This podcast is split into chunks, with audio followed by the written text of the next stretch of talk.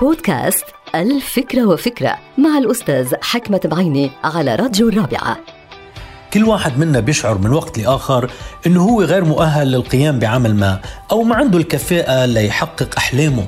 يعني هو ليس جيدا أو جميلا أو ذكيا بما فيه الكفاية. يعني شعور بالدونية أو بالفشل. هذا يحصل من وقت لآخر للأسف. ولكن لماذا؟ وهل هالأمر هيدا طبيعي؟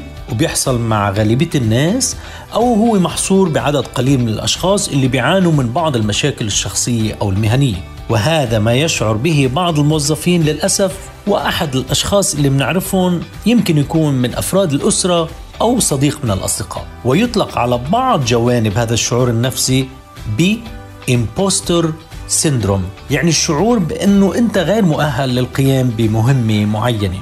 وحقيقة الأمر أنه هذا الأمر طبيعي. أنا أعتقد أنه بعض الأشخاص أفضل من غيرهم أو أكثر معرفة من غيرهم في مجال معين أو مهنة معينة. يعني لما لا؟ هذا شعور طبيعي لأنه أحيانا نحن بنواجه تحديات وخاصة تحديات جديدة مما يجعل منا أشخاص غير قادرين أو غير مؤهلين للقيام بعمل ما. ولكن أن تكون مؤهلا وتشعر بهذه الدنيا فهذا مرض خطير. عليك أن تعالج هذا المرض أو على الأقل تقرأ عنه أو تتعرف على أسبابه ونتائجه. بغض النظر عن الأسباب أو النتائج أنا شخصيا لا أهتم كثيرا عندما أواجه هذه المشكلة بل أتخطاها على طريقتي الخاصة.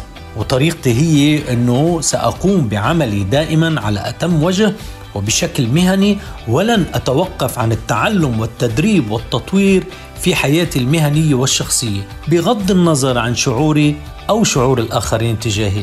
انتهت الفكرة. هذه الحلقة مقتبسة من كتاب الفكرة وفكرة.